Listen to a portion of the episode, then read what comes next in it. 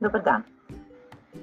Kao što znate, danas ćemo raditi e, novu glasovnu promenu koja se zove sigilarizacija. Nadam se da ste se udobno smestili e, u svoje fotelje, svoje stolice, svoje krevete, da imate sveske u rukama, knjige i da možemo da počnemo.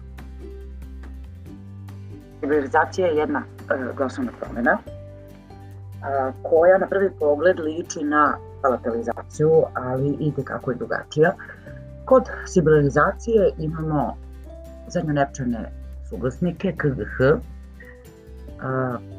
kada se nađu ispred i koji je nastavak za oblik, prelaze u CZS. U samom nazivu ove glasovne promene sibilarizacija imamo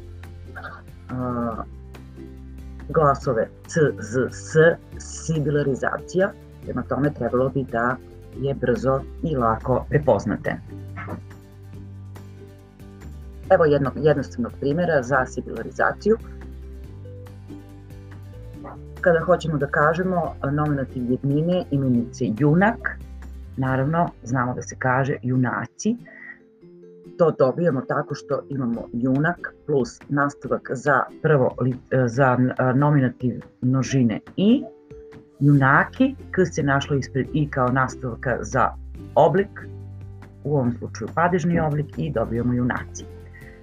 Ista je situacija sa rečju siromasi, krčazi, nosorozi i tako dalje. Međutim, sibilarizacija se ne dešava uvek a, ima odstupanja, to jest ima izuzetaka u nekim uh, slučajevima.